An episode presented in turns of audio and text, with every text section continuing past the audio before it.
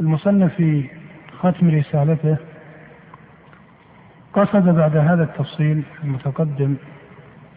وذكري لبعض القواعد والمقاصد في هذه الرسالة إلى ذكر ختم هذه الرسالة بأقسام أهل القبلة في نصوص الصفات وذكر أن القائلين في هذا الباب لا يخرجون عن ستة أقسام وهذه الأقسام منها ما يكون مختصا ببعض الطوائف ومنها ما يكون قولا يقع ذكره عند بعض الطوائف وقد يقع ذكر غيره أو تجويز غيره فإنه قال هنا وجماع الأمر أن الأقسام الممكنة في آيات الصفات وأحاديثها ستة أقسام كل قسم عليه طائفة من أهل القبلة فقوله هذا أن جماع الأمر أن الأقسام الممكنة في آيات الصفات وأحاديثها ستة أقسام وأن كل قسم منها عليه طائفة من أهل القبلة هذا لا يفيد أن كل من وقع في قسم من الطوائف فإنه يمنع غيره أو لا يشتغل بغيره كما أنه لا يفيد أن كل قسم من هذه الأقسام تختص به طائفة من الطوائف بإطلاق وإن كان إذا قيل إن هذا لا يلزم لا يعني أنه ليس واقعا بمعنى أن كثيرا من هذه الأقسام التي ذكرها المصنف تختص بها بعض الطوائف كالقسم الذي ذكر فيه إجراؤها على ظاهرها أو إجراءها على ظاهرها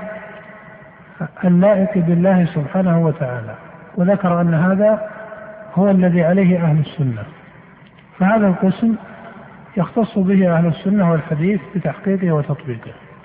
لكن فيما يتعلق مثلا بقسم التفويض من هذه الأقسام فإنك لا تراه تختص به طائفة اختصاصا مضطردا بل يذكره من يذكره من الفقهاء يذكره من يذكره من الصوفية يجوزه من يجوزه من المتكلمين يرجع إليه من يرجع من المتكلمين وأهل مجرى ولهذا قد ترى أن بعض المتكلمين قد تكون العبارة أدق إذا قلنا بعض الأعيان أو بعض الطوائف من حيث الجملة بسبب الضرورة من حيث الاضطراد يجوزون أكثر من قسم كتجويز أكثر الأشعرية مسألة التأويل مع مسألة التفويض مع أن المصنف جعل التأويل قسما وجعل التفويض قسما آخر نعم اقرأ وجماع الأمر بسم الله الرحمن الرحيم قال المصنف رحمه الله تعالى وجماع الأمر أن الأقسام الممكنة في آيات الصفات وأحاديثها ستة أقسام كل قسم على كل قسم على عليه طائفة من أهل القبلة قسمان يقولان تجرى على ظاهرها وقسمان يقولان هي على خلاف ظاهرها وقسمان يسكتون, يسكتون أما الأولون يسكتان ولا يسكتون؟ يسكتون؟ عندك يسكتون ولا يسكتان؟ يسكتون ماشي وقسمان يس وقسمان وقسمان يسكتون أما الأولون فقسمان أحده أحدهما من يجريها على ظاهرها ويجعل ظاهرها من جنس صفات المخلوقين فهؤلاء المشبهة ومذهبهم باطل أنكره السلف وإليه يتوجه الرد بالحق نعم ومذهب التشبيه ليس قدره في الاشتباه والشيوع كمذهب التأويل مذهب التشبيه وإن كان باطلا إلا أن قدره في الاشتباه والشيوع ليس كمذهب التأويل وأخص من تكلم بالتشبيه قوم من متقدم الرافضة كهشام بن الحكم وهشام بن سالم وأمثالهم ثم آه، رجع جمهور الرافضة عن هذا المذهب إلى ما يقارب مذهب المعتزلة وتلقوا عنهم في هذا الباب وإن كان التشبيه قد وقع فيه كثير من آه، متأخري آه، المتكلمين كما هو شأن محمد بن كرام السجستاني مثلا وأصحابه فإنه آه، يقارب مذهب التشبيه الذي كان عليه شام الحكم وإن كان ليس مثله ووقع بعض الفقهاء من أصحاب الأئمة في زيادة في الإثبات فهؤلاء الذين زادوا في الإثبات ليسوا مشبهة ولكنهم ليسوا على طريقة أهل السنة والحديث المحضة وهم خير من محمد بن كرام وأمثاله كما أن محمد بن كرام وأمثاله من المجسمة أقرب إلى طريقة أهل السنة من طريقة أئمة المشبهة كهشام بن الحكم وأمثاله نعم الثاني من يجريها على ظاهرها اللائق بجلال الله كما يجري ظاهر اسم كما يجري ظاهر اسم العليم والقدير والرب والإله والموجود والذات ونحو ذلك على ظاهرها اللائق بجلال الله فإن ظواهر هذه الصفات في حق المخلوق إما جوهر محدث وإما عرض قائم به كالعلم والقدرة والكلام والمشيئة والرحمة والرضا والغضب ونحو ذلك في حق العبد أعراض والوجه واليد والعين في حقه أجسام فإذا كان فإذا كان الله موصوفا عند عامة أهل أهل الإثبات بأن له علما وقدرة وكلام عامة أهل الإثبات مقصوده بأهل الإثبات هنا أي من يثبت أصول الصفات وإن لم يلتزم إثبات سائر الصفات وبهذا دخل فيه أهل السنة ما هو متحقق ودخل فيه متكلمة الصفاتية كالأشعرية والكلابية والماتريدية وأمثالها أي من يصحح مبدأ الإثبات مقابلا من يلتزم تحقيق النفي كما هي طريقة الجهمية وأئمة المعتزلة نعم وإن لم يكن ذلك عرضا يجوز عليه ما يجوز على صفات المخلوقين جاز أن يكون وجه الله ويداه صفات ليست أجساما يجوز عليها ما يجوز على صفات المخلوقين بمعنى أن جمهور أهل القبلة وهو الذي عليه أهل الإثبات من أهل السنة ومتكلمة الصفاتية أن لله علما وقدرة وإرادة وهذه لم تكن كصفات المخلوقين فكذلك ما يقع في الوجه واليدين لم تكن أجساما كصفات المخلوقين آه، بجسميتها المخلوقة التي تليق بالمخلوق وإن كان لفظ الجسم لا يطلق إثباتا ولا نفيا في حق الله تعالى نعم وهذا هو المذهب الذي حكاه الخطابي وغيره عن السلف وعليه يدل كلام جمهورهم وكلام الباقين لا يخالفه فهو أمر واضح وعليه يدل كلام جمهورهم هذا تقدم أن مقصود المصنف حينما قال آه، أو أضاف هذا إلى جمهورهم لا يعني أن طائفة من السلف تخالف هذا المذهب بل مقصوده أن التصريح شاع عند جمهورهم وإن لم يلزم من ذلك أن كل ما تفصيلا في الصفات يصرح به كل معين من أعيانهم نعم فإن الصفات كالذات فكما أن ذات الله ثابتة حقيقة من غير أن تكون من جنس المخلوقات فصفاته ثابتة حقيقة من غير أن تكون من جنس صفات المخلوقات فمن قال لا أعقل علما ويدا إلا من جنس العلم واليد المعهودين قيل له فكيف تعقل ذاتا من غير جنس ذوات المخلوقين ومن المعلوم أن صفات كل موصول تناسب ذاته وتلائم حقيقته فمن لم يفهم من صفات الرب الذي ليس كمثله شيء إلا ما يناسب المخلوق فقد ضل في عقله ودينه وما أحسن ما قال بعضهم فترى أن المصنف هنا آه، في الكلام المتقدم لما قال فكما أن الله موصوف عند عامة أهل الإثبات بأن له علما وقدرة إلى آخره هذا من باب الأصل المعروف عنده أن القول في بعض الصفات كالقول في البعض الآخر وهذا يتوجه به الرد على متكلمة الصفاتية الذين أثبتوا بعض الصفات ونفوا بعضها وقوله هنا فمن قال لا أعقل علما ويدا إلا من جنس علمي العلم واليد إلى آخره ثم قال المصنف كما أن ومن المعلوم أن صفات كل موصوف تناسب ذاته فهذا من باب أن القول في الصفات كالقول في الذات وهذا يقع به الرد على نفاق الصفات من الجهمية والمعتزلة بمعنى أنهم كما أقروا بأن لله ذاتا لا تشابه الذوات ولها اختصاصها اللائق بها فكذلك صفاته تكون مناسبة لذاته نعم وما أحسن ما قال بعضهم إذ قال لك الجهمي كيف استوى أو كيف ينزل إلى السماء الدنيا أو كيف يداه ونحو ذلك فقل له كيف هو في ذاته فإذا قال لك لا يعلم ما هو إلا هو وكنه الباري تعالى غير معلوم للبشر فقل له فالعلم بكيفية الصفة مستلزم للعلم بكيفية الموصوف فكيف يمكن أن تعلم كيفية صفة لموصوف لم تعلم كيفيته وإنما تعلم الذات تعلم الذات والصفات ومن حيث الجملة على الوجه الذي ينبغي ينبغي له نعم فإن السؤال عن الكيفية فرع عن العلم بحقيقة الذات وإذا كان متحققا بضرورة العقل والشرع أن الله تعالى لا يحاط به علما وهذا لم يقع لأحد من خلق الله أنه يحيط بالله علما بكيفية صفاته وكيفية ذاته فإن القول في كيفية الصفات هو قول في كيفية الذات فإن الذات هي هذه أو فإن القول في هذه الصفات فرع عن القول في الموصوف فيها نعم بل هذه المخلوقات في الجنة قد ثبت عن ابن عباس أنه قال ليس في الدنيا مما في هذا من باب قياس الأولى هذا من باب قياس الأولى ووجهه هنا أن المصنف يبين أن الجنة فيها نعيم يتفق في بعض الموارد من حيث الاسم المطلق مع نعيم الدنيا ويكون متواطئا ليس مشتركا اشتراكا لفظيا متواطئا مع ان الحقيقه متواطئ من حيث المعنى الكلي مع ان الحقيقه والماهيه مختلفه. معنى الحقيقه والماهيه مختلفه. فاذا كان كذلك في هذا النعيم وهو مخلوق من مخلوقات الله فبين الخالق والمخلوق من باب اولى بمعنى ان الاشتراك في الاسم المطلق لا يستلزم التماثل في الحقيقه عند الاضافه والتخصيص بين نعيم الدنيا ونعيم الآخرة فمن باب أولى بين صفات الله وصفات خلقه التي وقع فيها اشتراك في الاسم المطلق كالعلم والقدرة والسمع والبصر والرضا والغضب وأمثال ذلك نعم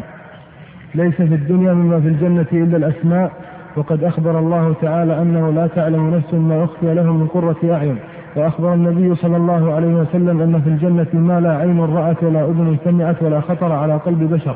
فإذا كان نعيم الجنة وهو خلق من خلق الله كذلك فما ظنك بالخالق سبحانه وتعالى نعم هنا تحصل القياس بطريق الأولى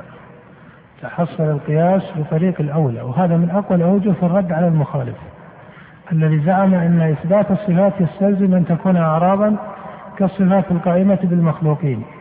أو نحو ذلك وكل من التزم بأن الإثبات يدل على التشبيه لما يراه واقعا في المخلوقين من الاتصاف بهذه الصفات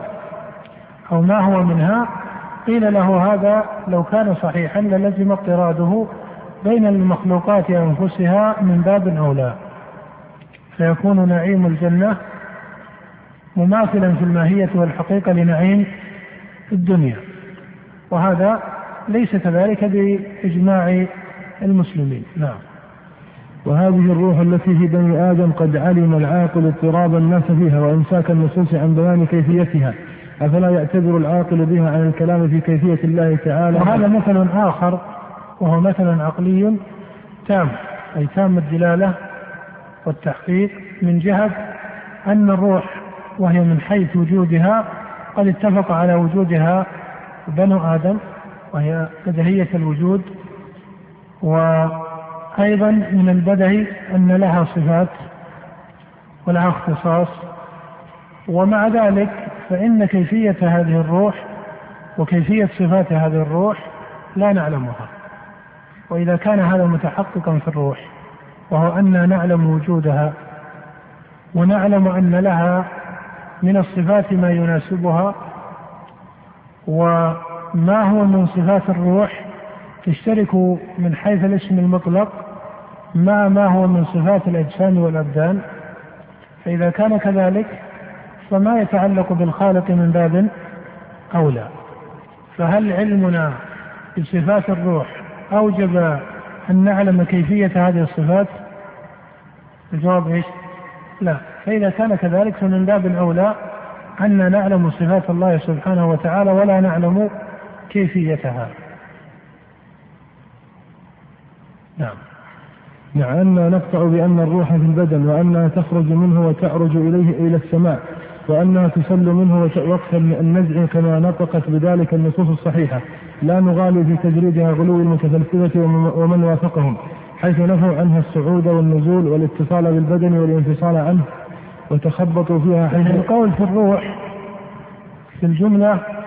أن الذين تكلموا في هذا الباب من النظار نظار المتفلسفة أو نظار المتكلمة في الجملة أنهم على طريقتين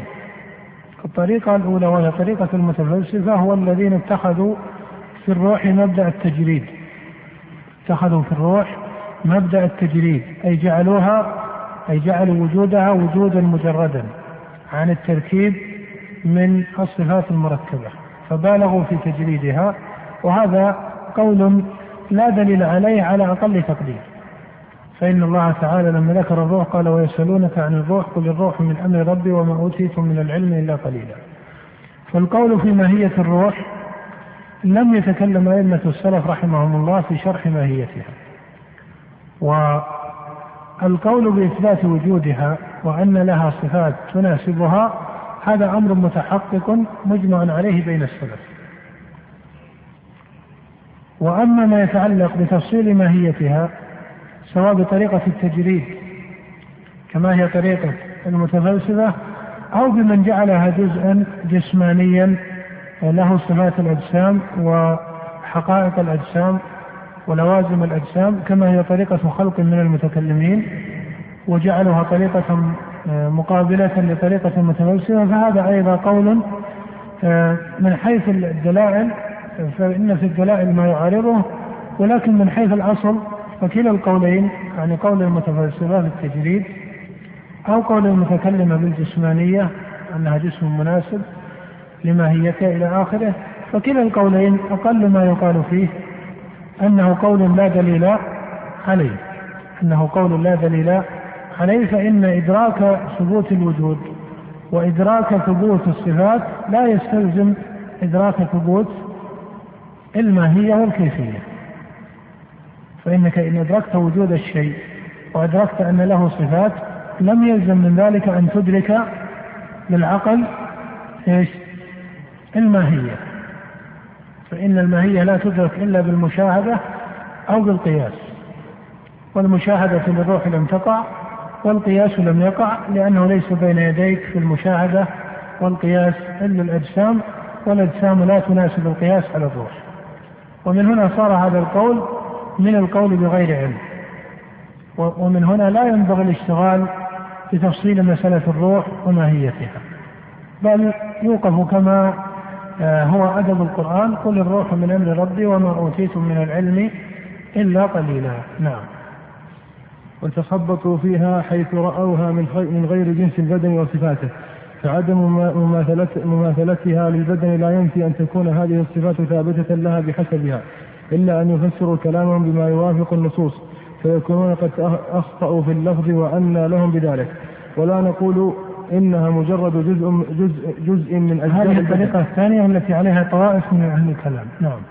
من أجزاء البدن كالدم والبخار مثلا أو صفة من صفات من صفات البدن والحياة وأنها مختلفة مختلفة الأجساد ومتساوية لسائر الأجساد في الحد والحقيقة كما يقول طوائف من أهل الكلام بل نتيقن أن الروح نعم. فكلا القولين غلط وهذا ينبه فيه إلى أن بعض المتكلمين من متكلمة الأشاعرة وبعض الفقهاء من أصحاب الأئمة الذين تكلموا في مسألة الروح إما يذكرونها في تفسير القرآن أو في تفسير بعض النصوص النبوية التي ذكرت الروح ف الوهم يقع كثيرا في مقابل قول المتفلسفة فتراهم يقولون وذهبت المتفلسفة إلى القول بتجريدها عن الصفات وأنها وجود مطلق مجرد عن الصفات الثبوتية وربما بل هذا موجود أن بعض المتكلمين المنتسبين للسنة والجماعة وبعض الفقهاء من أصحاب الأئمة الأربعة يضيفون لأهل السنة في هذا المذهب وهي أن الروح جسم آه، وجزء ربما قالوا من البدن إلى آخره فيقول هذا كله ليس متحققا كمذهب لأهل السنة والجماعة بمعنى أنه آه، اتفاق بين أهل السنة والجماعة وإذا تكلم بعض علمائهم بشيء من ذلك فهذا أقل أحواله أنه من باب الاجتهاد الذي ليس ملزما إنما المتحقق في مذهب السلف هو الإيمان بوجود الروح والإيمان بأن لها من الصفات على الحقيقة ما يناسبها وأما ماهيتها فهذا مما لم يتحقق فيه للسلف وأهل السنة مذهب يعني لم ينضبط لهم إجماع يضطرد آه، يقال إنه هو مذهب أهل السنة إنما إجماعهم متحقق في وجودها وأنها متصفة بالصفات المناسبة لها على الحقيقة هذا إجماع لأهل السنة والسلف وأما ما فوق ذلك فهو يجتهد فيه بعض المتاخرين من اهل السنه ولا ترى ائمه السلف في الجمله يتكلمون في هذا. فما يطلقه البعض من ان مذهب اهل السنه انها جسم كذا بتفصيل معين هذا ليس كذلك. من حيث الجزم، وان كان من حيث الاجتهاد قد احيانا آه، يكون فيه سعه وتاره لا يكون فيه سعه بحسب القول المذكور في المقام. نعم. بل نتيقن أن الروح عين موجودة غير البدن وأنها ليست مماثلة نعم هنا ترى المصنف يذكر الحقيقة التي أجمع عليها السلف فيقول بل نتيقن أن الروح عين موجودة غير البدن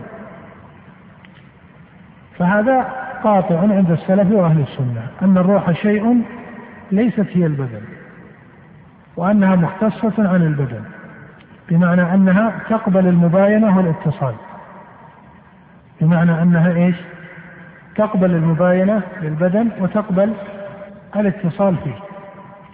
والمتفلسفه بالغوا في مساله الروح وقالوا بقدمها وانها نزلت من العلو ولهم في هذا فلسفه مشهوره ومن اخص من تكلم عنها ابن سينا في كتبه وله قصيده آه، تنسب اليه كثيرا وان كان البعض يتشكك في صحتها لكنها مشهوره له وهي قصيدته التي مطلعها هبطت إليك من المحل الأرفع فهو يصف هنا الروح ويذكر أنها نزلت من السماء إلى آخره بكلام آه، معروف ولهذا تجد أن طريقتهم هي طريقة التجريد يعني ابن سينا لما ذكر هذا المبدأ ذكره على طريقة الإشراق والتجريد ليس على طريقة الفلسفة النظرية هذه هي طريقة ولهذا ترى أن أن أن, أن الفلسفات الصوفية تنتهي إلى هذه الحقيقة وهو العناية بتجريد الروح أي تخليصها عن العلاقة الجسمانية ولهذا ترى أن غلاة الباطنية المتصوفة ينتهوا ينتهي كثير منهم من غلاتهم إلى تعطيل إيش إلى تعطيل الأمر والنهي أي تعطيل الشرائع لما لأنهم يرون أن الشرائع تناسب الجسم وتناسب البدن وحركة الأبدان ويرون أن مقام التحقيق يتصل بمسألة الروح وحدها هذه هي الطرق الباطنية المتفلسفة من الصوفية والمتشيعة ونحوهم ومن ذلك ما صنفه ابن الطفيل المتفلسف آه، في رسالته المشهورة بحي ابن يقظان وهي رسالة آه، أسطورية التركيب يعني كرواية أو قصة أسطورية التركيب و تكلم فيها عن مسألة الروح ومبدئها ومشيئها هذه كلها هذه الطرق المستعملة هي فلسفات ليس لها أصلا وأثارة من العلم لا العلم العقلي ولا العلم الشرعي لا العلم العقلي ولا العلم الشرعي لأن العقل لا ليس بمقدوره أن يثبت ماهية هذه الروح فإن العقل في الجملة إما هو إدراك أساسي أو هو آه، تحصيل من الشاهد والمعطيات التي امامه والروح لا يتعلق بها لا هذا الادراك ولا هذا الادراك من جهه ماهيتها ومن هنا اصبح القول فيها ليس قولا عقليا باي شكل من الاشكال ومن باب اولى فانه ليس قولا شرعيا بل هي من حيث ماهيتها آه، يقال الله اعلم بماهيتها وعدم العلم بماهيتها لا يعني عدم العلم بوجودها ومباينتها للبدن وانها عين مستقله وأن لها صفات تناسبها هذه كلها حقائق قطعية ثابتة نعم وأنها ليست مماثلة مماثلة له وهي موصومة بما نطقت به وأنها ليست مماثلة له هذه أيضا حقيقة مجزوم بها عند أهل السنة أن الروح عين مستقلة عن البدن آه، أي أي غير البدن لا يعني مستقلة أنها منفصلة بل هي تقبل الاتصال والانفصال وأنها ليست مماثلة له هذه حقيقة الثانية نعم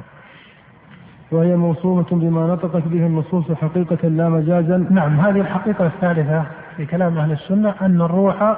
موصوفة بالصفات المناسبة لها على الحقيقة لا على المجاز نعم فإذا كان مذهبنا في حقيقة الروح وصفاتها بين المعطلة والممثلة فكيف الظن بصفات الرب بصفات رب العالمين وأما القسمان اللذان ينفيان ظاهرها أعني الذين يقولون ليس لها في الباطن مدلول هو صفة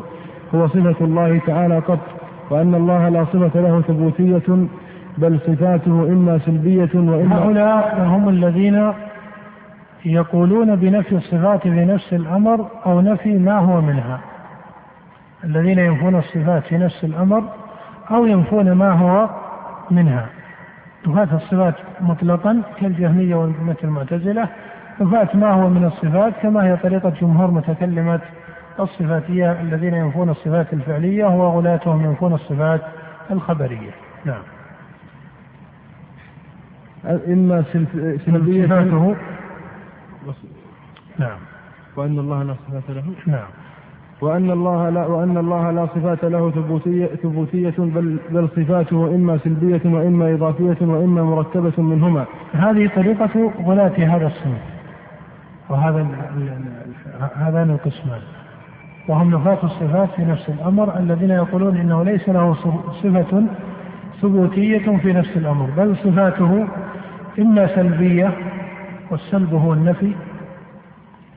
كقولهم ليس متكلما او ليس آه، آه، آه، سميعا او ليس بصيرا او تارة ينفون بعض الالفاظ المجمله بالتصريح على خلاف ما هو معروف عند السلف من عدم التصريح بنفي او اثبات وهلم جرا. بل يقولون بالصفات السلبيه وهي صفات النفي او الاضافيه ومقصوده بالصفات الاضافيه كقول المتفلسفه مثلا انه مبدأ الأشياء وإنه علة الأشياء فالقول في المبدأ والعلة هذا يعد من الصفات الإضافية فترى أن ابن سينا وأمثاله يذكرون هذه الصفات الإضافية على هذا الوجه أنه مبدأ الأشياء أنه علة الأشياء وهل مجرد نعم أو يثبتون إما مركبة منهما المركب منهما كقولهم إنه عاقل ومعقول وعقل فقول المتفلسفة إنه عاقل ومعقول وعقل نعم أو يثبتون الأحوال دون الصفات أو يثبتون, أو يثبتون بعض أو يثبتون بعض الصفات وهي الصفات السبعة أو, أو يثبتون بعض الصفات وهذا هو النوع الثاني في نفاة الصفات الذين يثبتون بعضها وينفون بعضها وهم متكلمة الصفاتية كالكلابية والأشعرية والماتريدية وأمثالهم أو يثبتون بعض الصفات قال وهي الصفات السبعة والصفات السبع مقصوده بها هي الصفات التي استقر عليها المتأخرون من الأشاعرة وعليها الماتريدية في الجملة وهي الحياة والكلام والبصر والسمع والإرادة والعلم والقدرة أو الثمانية وهي الصفات السبع المتقدمة مع صفة البقاء كما هي طريقة طائفة من الأشعرية الذين يثبتون سبع صفات ثمان صفات هي الصفات السبع مع صفة البقاء و أو الخمسة عشر كما هي طريقة الشهرستاني وطائفة من أو كما ذكره الشهرستاني عن طائفة من متكلميهم أنهم يثبتون خمس عشرة صفة وهي الصفات الثمان ثم يختلفون فيما يزيدون عليها وثمة غير ذلك كما هي طريقة الأشعري إمام المذهب وأبي بكر بن الطيب الباقلاني الذين يثبتون الصفات الخبرية في الجملة نعم ويثبتون الأحوال دون الصفات ويقرون أو يثبتون الأحوال دون الصفات كما هي طريقة خلق من المعتزلة وهي أو أخص من تكلم بها من المعتزلة هو أبو هاشم الجباعي فإن أبا هاشم الجباعي ذهب إلى فهو كغيره من المعتزلة ينفي الصفات ولكنه أثبت الأحوال في ما هو من الصفات فإن العلم مثلا الصفة المختصة به أن يقال إن الله له علم هو صفة تليق به فهذا تنزيه المعتزلة مع قولهم إن الله إيش مع قولهم أو مع اتفاق المعتزلة أن الله إيش عليم لكنهم لا يثبتون صفة العلم ويثبتون الاسم وحكم الصفة يثبتون الاسم وحكم الصفة وينفون الصفة من جهة قيامها بالذات هذا كان متفق عليه بين المعتزلة في صفة العلم فجاء أبو هاشم الجباعي وأثبت مع حكم الصفة واسمها الذي هو عليم وحكمها أي الحكم المتعلق بها الذي ليس هو المقصود به قيام الصفة بالذات بل الحكم المترتب عليه كقولك إن الله يعلم أحوال العالم فيقولون نعم هذا حكم الصفة لكن ليس بعلم فهو يعلم أحوال العالم يعلم ما كان وما سيكون لكن ليس ايش؟ بعلم فيثبتون الحكم ويثبتون الاسم وهو العليم جاء أبو هاشم وزاد فأثبت العالمية وجعلها حالا وليست صفة وفي القدرة أثبت القادرية وجعلها حالا وليست صفة وهذه الأحوال كما سلف أن جمهور المعتزلة لا يثبتها وإنما أثبتها أبو هاشم الجبائي ابن أبي علي الجبائي وتبعه عليها خلق من المعتزلة ووافقه على إثبات الأحوال طائفة من متكلمة الصفاتية من الأشعرية وغيرهم كالقاضي أبي بكر بن الطيب الباقلاني ومن وافقه من متكلمة الأشعرية وبعض الفقهاء من أصحاب الأئمة الذين وافقوا القاضي أبا بكر على إثبات مسألة الأحوال تبعا لأبي هاشم الجبائي لكن ينبه إلى أن بعض الفقهاء كابن عقيل الحنبلي أبو الوفاء بن عقيل الحنبلي وهو آه، فقيه حنبلي لكنه في أول أمره اتخذ بعض طرق التأويل ودرس على بعض علماء المعتزلة كأبي علي بن الوليد وأبي القاسم بن التبان المعتزليين وكان من أصحاب ابن الحسين البصري المعتزلي وتأثر بالكلابية في بعض الموارد وصنف في التأويل مصنفات ثم رجع عن جمهور ذلك فالمقصود أن ابن عقيل الحنبلي يثبت مسألة الأحوال ولكن الأحوال التي يثبتها ابن عقيل ليست هي الأحوال التي أثبتها أبو هاشم والباقلاني وأمثالهما من المتكلمة وإن كان ابن عقيل يسميها الأحوال أو تارة يسميها الإضافات فهي غير الأحوال التي يثبتها المتكلمة من المعتزلة أو بعض متكلمة المعتزلة وبعض متكلمة الأشعرية كقول أبي هاشم في مسألة العلم بالعالمية والقدرة القادرية وهذا المجرة. نعم. ويقرون من الصفات الخبرية لما في القرآن دون الحديث. الصفات الخبرية كالوجه واليدين وأمثالها، نعم. على ما قد عرف عن المذهب المتكلمين فهؤلاء قسمان. قسم يتأولون هناك القدرية موقف قدماء متكلمة السلفية منها فيه تفصيل هم من حيث الجملة يعني قدماء متكلمة السلفية كابن كلاب والأشعري والباقلاني وابن ثورك يثبتون ما هو من الصفات الخبرية لكن بعضهم خير من بعض في هذا فمنهم من يثبت الصفات الخبرية القرآنية دون النبوية ومنهم من يثبت القرآنية وما هو من النبوية وهل مجرد نعم قسم يتأولونها ويعينون ويعينون المراد مثل مثل قولهم استوى بمعنى استولى أو بمعنى علو المكانة والقدر فيجمعون بين نفي الصفة وبين تأويل النص القسم هذا يجمعون بين نفي الصفة في نفس الأمر وبين تأويل النص الذي ورد في إثباتها هذا هو أصله مذهب الجهمية والمعتزلة نعم أو من معنى انتهاء الخلق إليه إلى غير ذلك من معاني المتكلمين وقسم يقولون الله أعلم بما أراد بها لكننا نعلم أنه لم يرد, لم لم يرد إثبات صفة صفة خارجة عما علمناه نعم. وهذا القسم يقع في كلام متكلمة الصفاتية من أصحاب أبي الحسن وأمثالهم الذين لا يعينون التأويل وإن كانوا يجزمون بانتفاع الصفة في نفس الأمر والمقصود بالصفة هنا الصفة التي ينفونها لأنه تقدم أنهم يثبتون شيئا من الصفات فينفون شيئا آخر نعم وأما القسمان الواقفان فقوم يقولون يجوز, يجوز أن يكون ظاهرها المراد اللائق بجلال الله ويجوز أن لا يكون المراد صفة, صفة الله ونحو ذلك وهذه طريقة كثير من الفقهاء وغيرهم ولهذا ترى أن المصنف هنا يفصل طريقة التفويض يفصل طريقة التفويض فعلى طريقته هنا فممن يضاف إلى التفويض من يعتقد انتفاء الصفة التي فوضها في نفس الأمر يعتقد انتفاء الصفة في نفس الأمر لكنه يفوض اللفظ أو يفوض النص من حيث تعيين المراد فلا يعين المراد بالنص والقسم الثاني وهو المذكور في قوله وأما القسمان الواقفان فهم الذين يجوزون الظاهر ويجوزون عدمه أي يجوزون ثبوت الصفة ويجوزون نفيها ولكنهم يفوضون فيمكن أن يقال هنا أن هذا القسم الذي قال فيه المصنف وأما القسمان الواقفان فقسم يقولون يجوز ما الفرق بينه وبين القسم الثاني من التقسيم الثاني وهو قول قسم يقولون الله أعلم بما أراد لكن نعلم أنه لم يرد إثبات صفة خارجية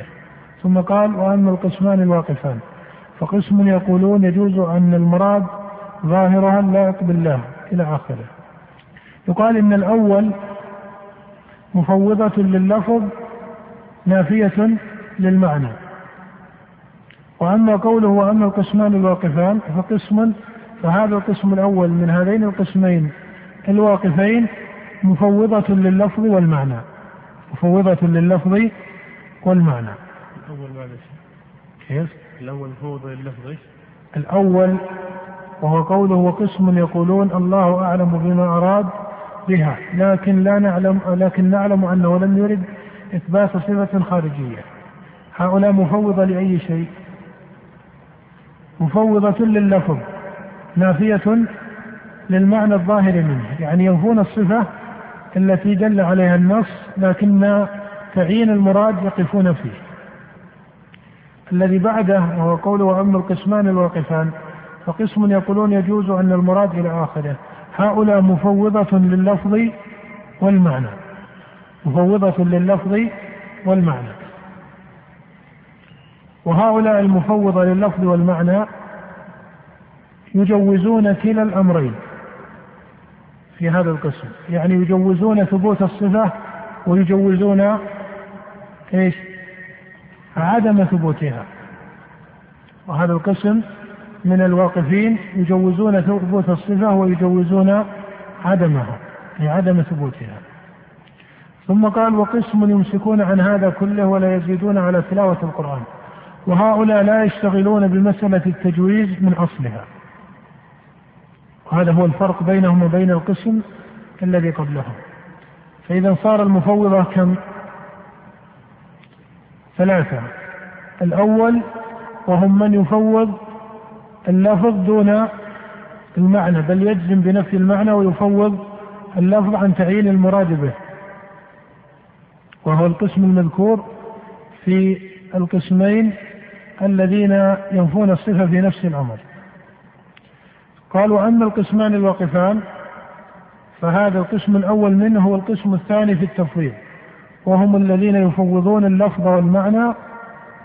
مع تجويز ثبوت الصفة وعدم ثبوتها القسم الثالث من المفوضة وهو القسم الثاني في الواقفة في كلام المصنف وهم الذين يفوضون اللفظ والمعنى لكنهم لا يشتغلون بمسألة تجويز المتقابلين أي تجويز المتقابلين يعني إيش أي ثبوت الصفة أو عدم ثبوتها ومن هنا صار التفويض يقع على ثلاثة أوجه تفويض اللفظ ونفي المعنى أي نفي الصفة تفويض اللفظ والمعنى مع تجويز المتقابلين ثبوت الصفات وعدم ثبوتها تفويض اللفظ والمعنى مع عدم الاشتغال بمسألة التجويز للمتقابلين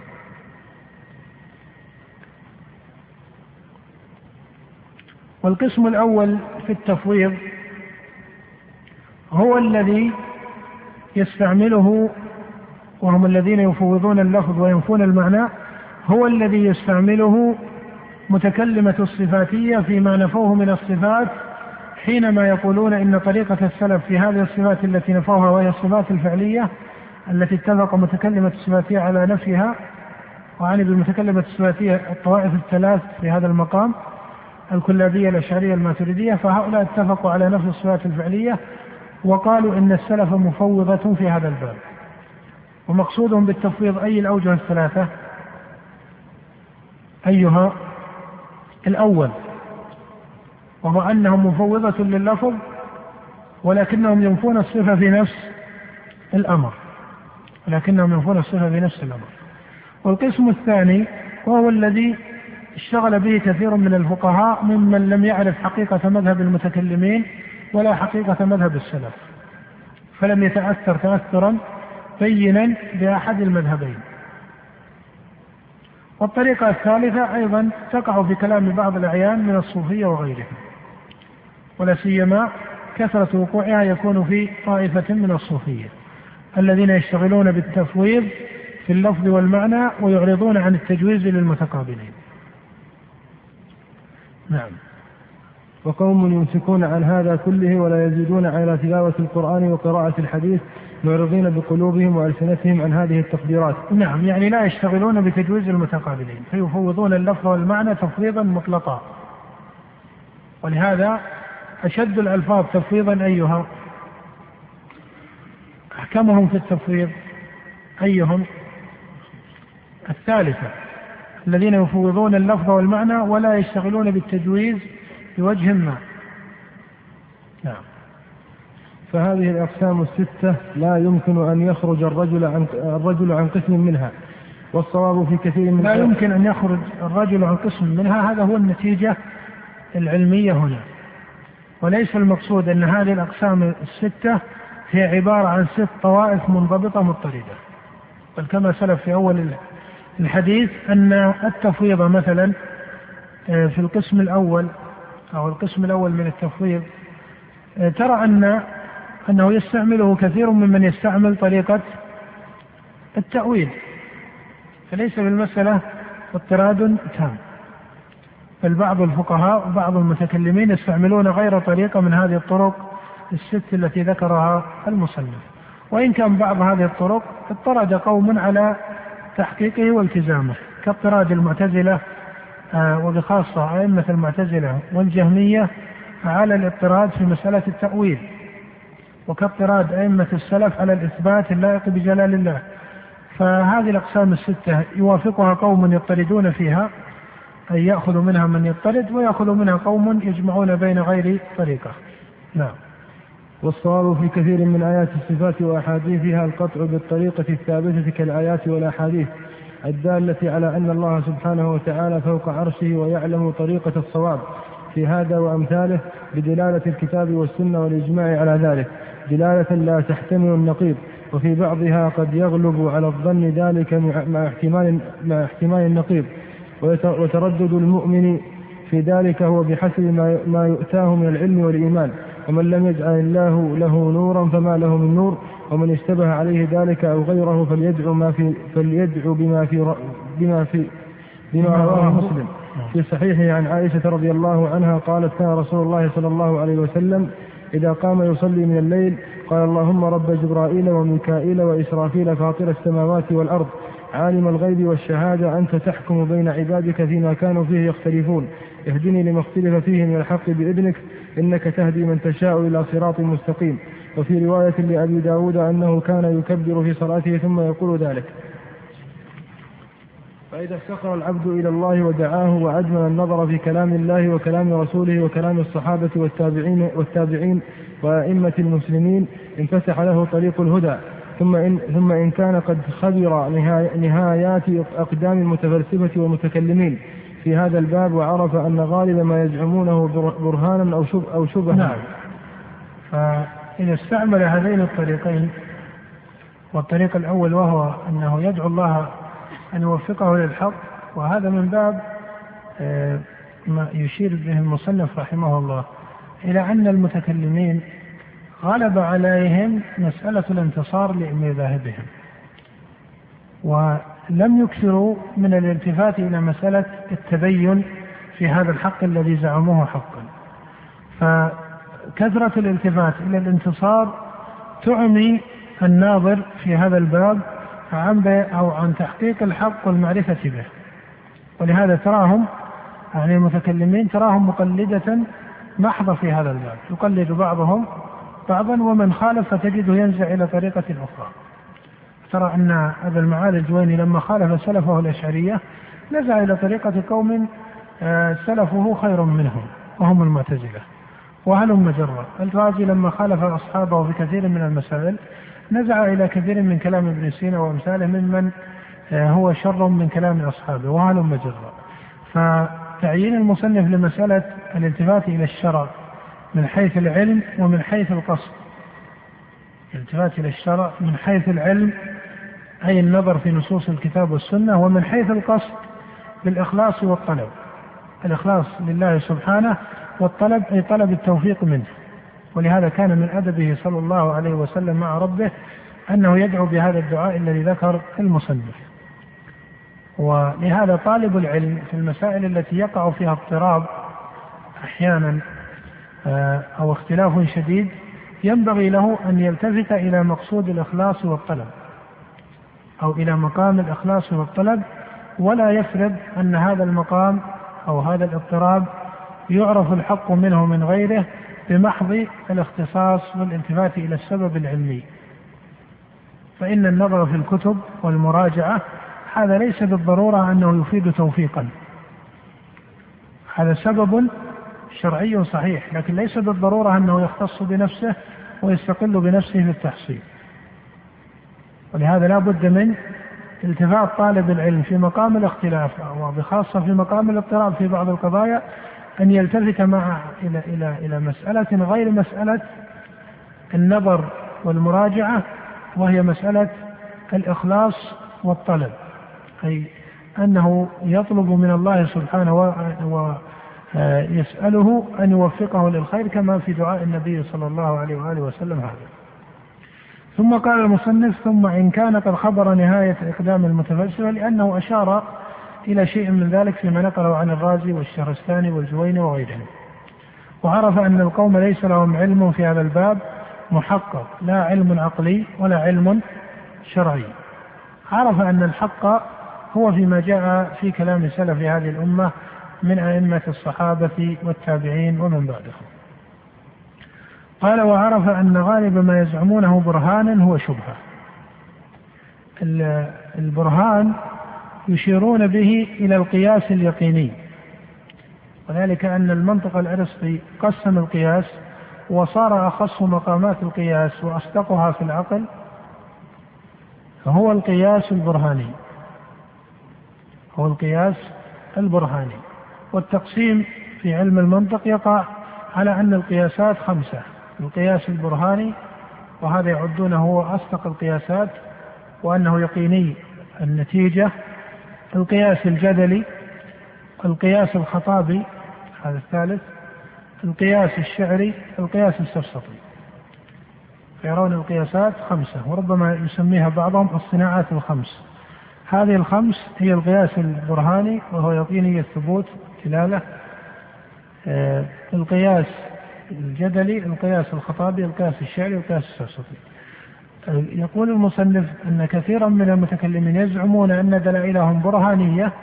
فيقال هذا اصطلاح وليس كل مبطل سمى قوله برهانا يجب أن يكون في نفس الأمر إيش يجب أن يكون في نفس الأمر برهانا فهذا مجرد دعوى كما أن من سمى قوله إصلاحا من المنافقين لم يلزم في نفس الأمر أن يكون مصلحا وإذا قيل لهم لا تفسدوا في الأرض قالوا إنما نحن مصلحون ألا إنهم هم هم المفسدون فهذا المقام وهو مقام العلم والعمل لا يؤخذ بالدعوى والألفاظ ولهذا قال المصنف بل هي شبهة أو برهان قال هو شبهة أي أنها شبهات وأوهام من العقل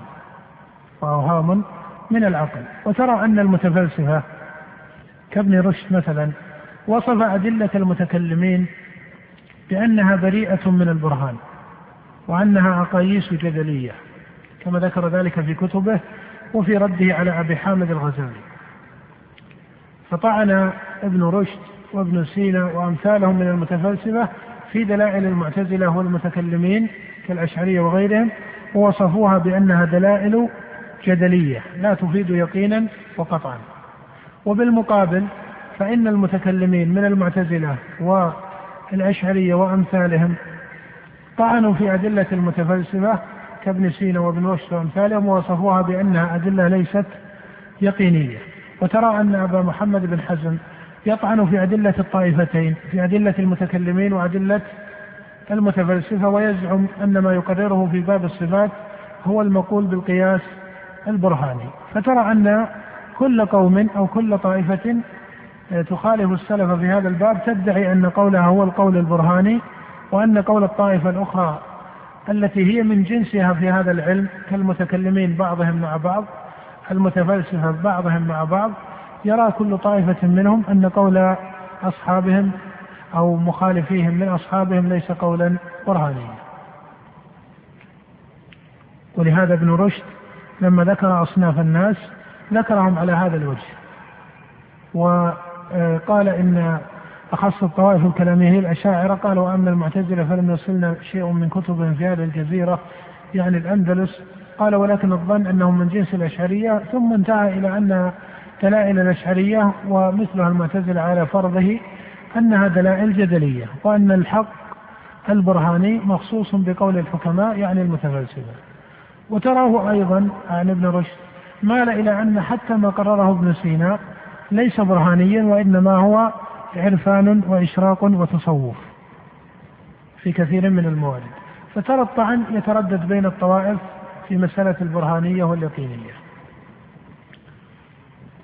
مع أنه كثير من الأدلة آه، يعني كمثال ترى أن ابن حزم مثلا يشفه أدلة المتكلمين والمتفلسفة ثم يذكر هو بعض الأدلة ويسميها أدلة برهانية عقلية مع أن هذا الدليل إذا حققت وجدت أنه مأخوذ إما من المتكلمين أو من المتفلسفة أو مبني على القانون الأرسطي في المنطق الذي يشترك في معرفته والأخذ به آه، كثير من أهل الفلسفة وأهل الكلام بل إن ابن حزم وصف بعض الأدلة بالبرهانية وهي دلائل قد قررها قبله علماء الأشاعرة لكنه غير في بعض ألفاظها وبعض ترتيبها وإلا الدليل من حيث هو ومن حيث الحقيقة العلمية هو نفسه الدليل الذي ذكره أئمة الأشعرية أو بعض أئمة المعتزلة فمن هنا يعرف أن هذا المقام آه، كثير منه مقول بالدعوى وليس بالتحقيق العلمي كثير منه مقول بالدعوى وليس بالتحقيق العلمي نعم ورأى, غا... ورأى أن غالب ما يعتمدونه يؤول إلى دعوى لا حقيقة لها أو شبهة مركبة من قياس فاسد أو طالب العلم هنا لا ينبغي أن يكون ساذجا آه، يعني يجري خلف الأوصاف بمعنى أنك ترى أن ابن رشد في كتبه دائما يسمي أدلته أدلة برهانية إذا ذكر دليلا عقليا مباشرة يصفه بالبرهانية ويصف دليل غيره بأنه جدلي أو دون ذلك أو خطابي أو نحو ذلك ومثله ابن حزم وهو يصف أدلته بأنها أدلة إيش برهانية وعرفنا أن البرهان هو أصدق أنواع القياس عند أرسطو الذي يعتمدون منطقه كثير من المتكلمين يقرر أدلته لكن قد لا يلتزم ذاك الالتزام بلفظ البرهان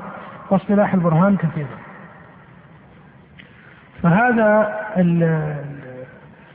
الاضطراد في نسبة ابن رشد وفي نسبة أبي محمد بن حزم أنبه آه، إلى كتب شاعت في هذا العصر وهي كتب آه، محمد عابد الجابري المغربي وهذا له تصنيف في دراسة التراث آه، أو التراث ومن كتبه التي سماها نقد العقل العربي وهذا شبه مشروع لديه يعني هذا عنوان المشروع الشمولي نقد العقل العربي أخرج فيه بعض الكتب من أخص هذه الكتب تكوين العقل العربي كتاب بنية العقل العربي الشاهد أني أشير إلى يعني لأن هذه الكتب صار بعض الشباب قد يتأثرون بها ويظنون أنها دراسة عميقة متكاملة الرجل قسم التراث الماضي تراث الإسلام الماضي سواء سني أو كلامي أو فلسفي إلى آخره مشرقي أو مغربي قسمه إلى ثلاثة أقسام القسم البياني وهو الذي يعتمد على البيان والقسم العرفاني والقسم البرهاني الوهم او ربما احيانا قد تكون نزعه التعصب والله اعلم انه جعل البيان أو المعرفة البيانية أدخل فيها أهل السنة المذاهب الفقهية الأربع أدخل فيها المعتزلة الأشاعرة إلى آخره كل هؤلاء جعلهم أو جعلهم بيانيين العرفان جعل فيه فلاسفة المشرق رموز فلاسفة المشرق جعلهم عرفانيين أي أي إشراقيين غنوصيين كابن سينا كأبي نصر الفارابي من باب أولى السهروردي وأمثالهم هو يريد ينتهي إلى أن أرقى معرفة بالتراث هي المعرفة إيش البرهانية فجعل المشارقة غلب عليهم إما البيانيين وهذا أدخل في أهل السنة طائف المتكلمين من المعتزلة وأشاعرة وماتريديه أو عرفانيين كابن سينا وأمثاله أين وجد البرهان؟ قال البرهان يقع في فلسفة ابن رشد التي ليست عرفانية كفلسفة ابن سينا أي إشراقية ونوصية صوفية أو في نظريات ابن حزم التي قابلت نظريات المتكلمين المشارقة فجعل البرهان يقع إما في العرض يعني يقع في العرض المغربي عموما سواء عند ابن رشد كفلسفة أو عند ابن حزم كنظر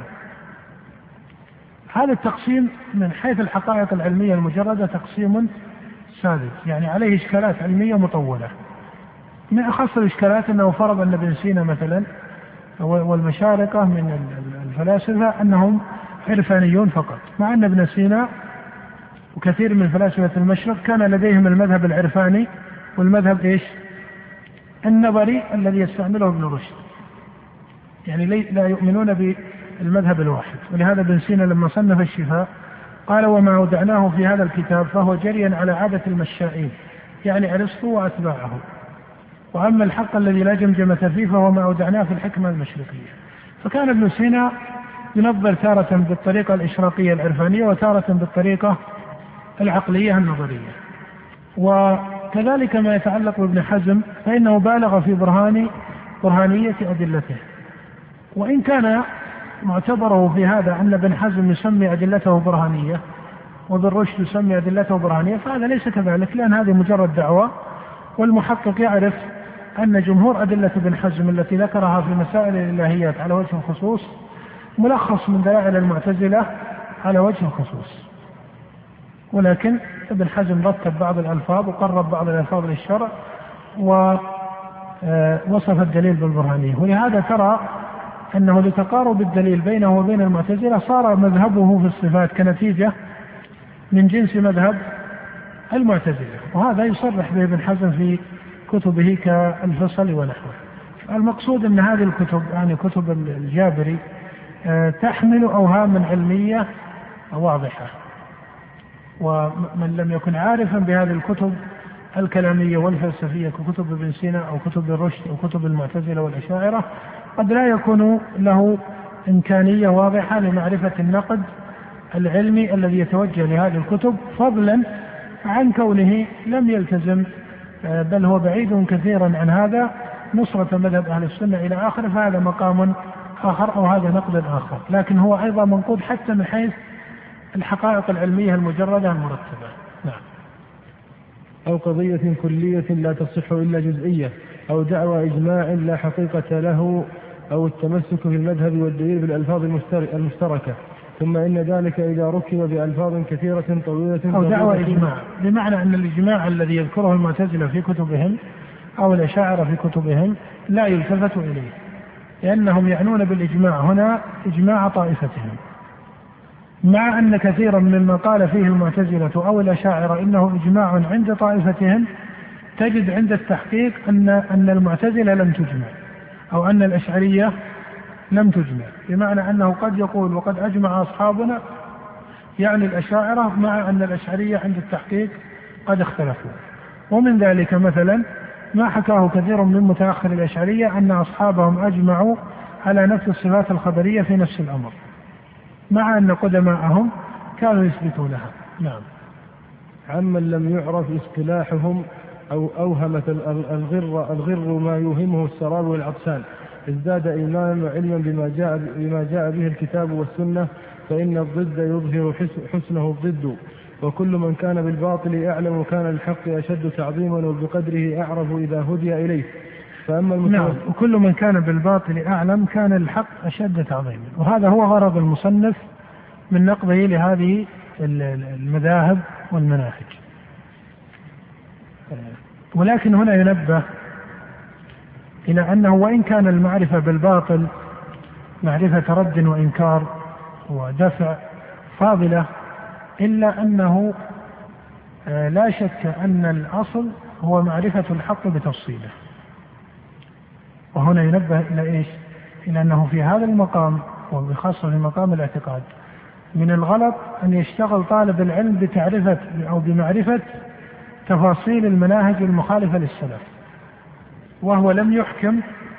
تفاصيل مذهب السلف هذا غلط علمي ملاحظ إلى أنه لا يشتغل طالب العلم بتفصيل بمعرفة تفاصيل المذاهب المخالفة للسلف وهو لم يحكم تفاصيل مذهب السلف والأصل معرفة مذهب السلف إجمالا ثم تفصيلا ثم بعد ذلك يعرف مذهب المخالف إجمالا ثم تفصيلا إن أمكنه ذلك ولهذا ترى أن علماء السنة من أولهم إلى آخرهم يشتركون في معرفة مذهب السلف على التفصيل أليس كذلك؟ لكن هل جميعهم في معرفة الأقوال المخالفة على التفصيل؟ فمنهم من اشتغل بمعرفة تفصيلها والرد عليه ومنهم من عرف معرفة مجملة ولم يكن له اختصاص بكثرة بمعرفة كثير من تفاصيلها نعم وإن كان ما وقف في أو ما وقع عليه المصنف يعني شيخ الإسلام رحمه الله من دراسته لكتب المتفلسفة والمتكلمة وغيرهم لا شك أنه مما يحمد له ويثنى عليه به ولا يجوز لأحد أن يقول إن السلف الأول لم يشتغلوا هذا الاشتغال فإن لكل مقام ما يناسبه وقد كان في زمن السلف رحمهم الله لم تختلط السنة بإيش بالبدعة فكانت البدعة متميزة عن السنة وكان المبتدع الذات كالخوارج أو الجهمية أو المعتزلة كانوا مناقضين لأئمة السنة ولا ترى أشد من المناقضة من كون الخوارج قاتلوا الصحابة أليس كذلك؟ وفي زمن الأئمة ترى أن أئمة المعتزلة كابن أبي دعاد وأمثاله كانوا يفتون بقتل كبار أئمة السنة أليس كذلك؟ لكن فيما بعد لما جاء متكلمة الصفاتية وأمثالهم وانتسبوا للسنة وانتسب خلق منهم كالأشعري لأحمد بن حنبل إلى آخره صار هناك اضطراب واختلاط ولم تتميز السنة عن البدعة عند كثير من الفقهاء وأهل العلم ومن هنا كان هذا الاشتغال بالتفصيل كان هو التحقيق الموافق لمذهب السلف نعم فأما المتوسطون من المتكلمين فيخاف عليهم ما لا يخاف على من لم يدخل فيه وعلى من قد أنهاهم نهايته فإن من لم يدخل فيه فهو في عافية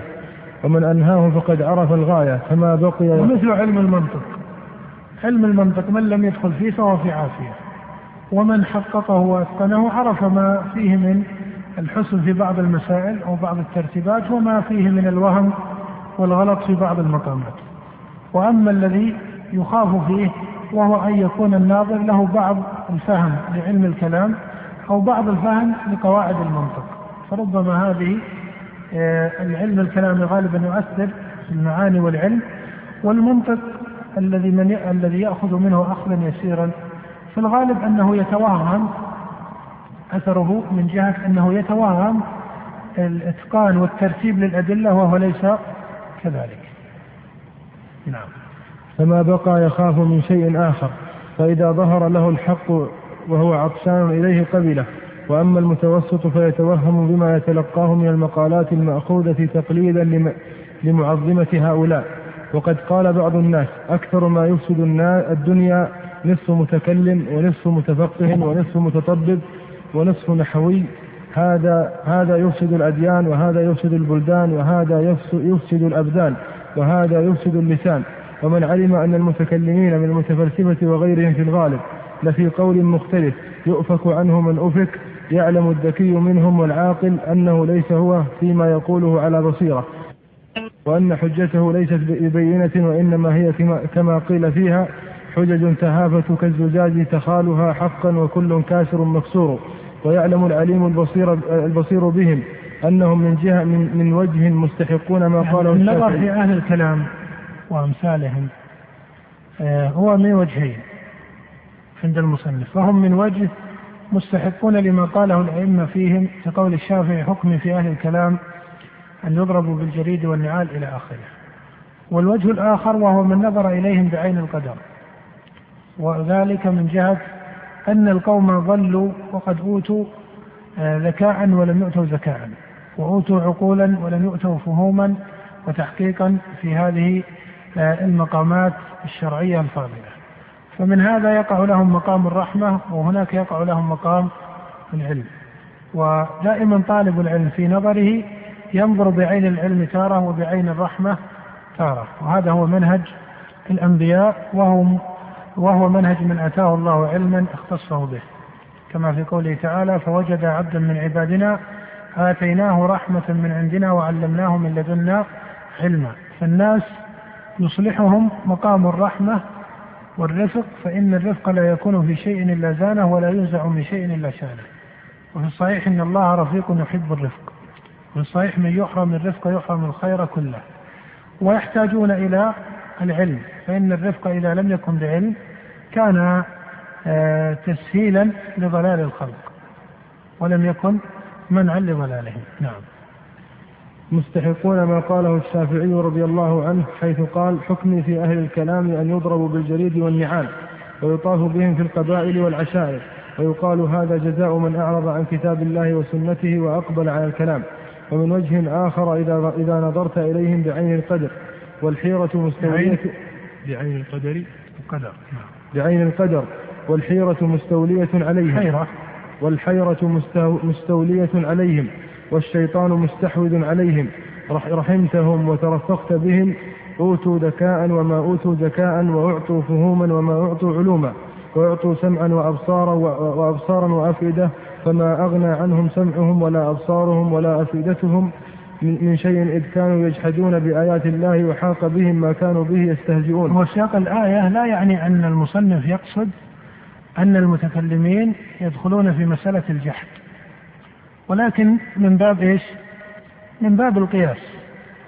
من باب القياس مع الكفار الذين اتاهم الله سمعا وابصارا وافئده فما اغنى عنهم سمعهم ولا ابصارهم الى اخره، فهذا من باب القياس لا من باب ان المصنف يجعل حكم المتكلمين كحكم الكفار، والا الايه هي في سياق الكفار ولا شك. وهذا التحصيل الاخير من المصنف يقع به لطالب العلم ان من اشتغلوا آه، بالنزعات العقلانية في هذا العصر يعرف أنه مهما حاول النظر والتحصيل فإن آه، في القصص الماضية عبرة وذلك من جهة أنك إذا نظرت إلى أئمة الكلام وقرأت في بعض سيرهم أو نظرت في بعض كتبهم تحقق لك أن كثيرا منهم كانوا على درجة آه، بالغة من الذكاء والعقل ولولا عدم الاطراد في المجلس ذكرت بعض أحوال المناظرة بين بعض أئمة المتكلمين أو بعض آه، قدراتهم على الخروج من بعض المعازق العقلية فيما بينهم وفيما يختصون به من المناظرة فالقوم كثير منهم كانوا أساطين في الذكاء والعبقرية والعقلية ولكن مع هذا كله ومع سعة نظرهم في الفلسفة والدلائل وأوجه النظر إلى آخره إلا أنك تجد أن النهاية التي حصلوها نهاية ساذجة بشهادتهم على أنفسهم كما قال الغازي نهاية أقدام العقول عقال إلى آخره وكما في قول الشهر الثاني لعمري لقد طفت المعاهد كلها إلى آخره فتجد أن هذه الشهادات من قوم نظروا وتوسعوا هو من باب أولى ما يقع فيه من يتقحم هذا المسلك العقلاني آه، في هذا اليوم فهم أولى بأن تكون نتيجتهم دون أو مقاربة للنتيجة التي تحصل عليها آه، من تقحم هذا المسلك في زمن سبق مع أنه يحافظ على الحقيقة التي تقدم ذكرها كثيرا وهو أن العقل لا يعارض النقل نعم ومن كان عليما بهذه الأمور تبين له بذلك حذق السلف وعلمهم وخبرتهم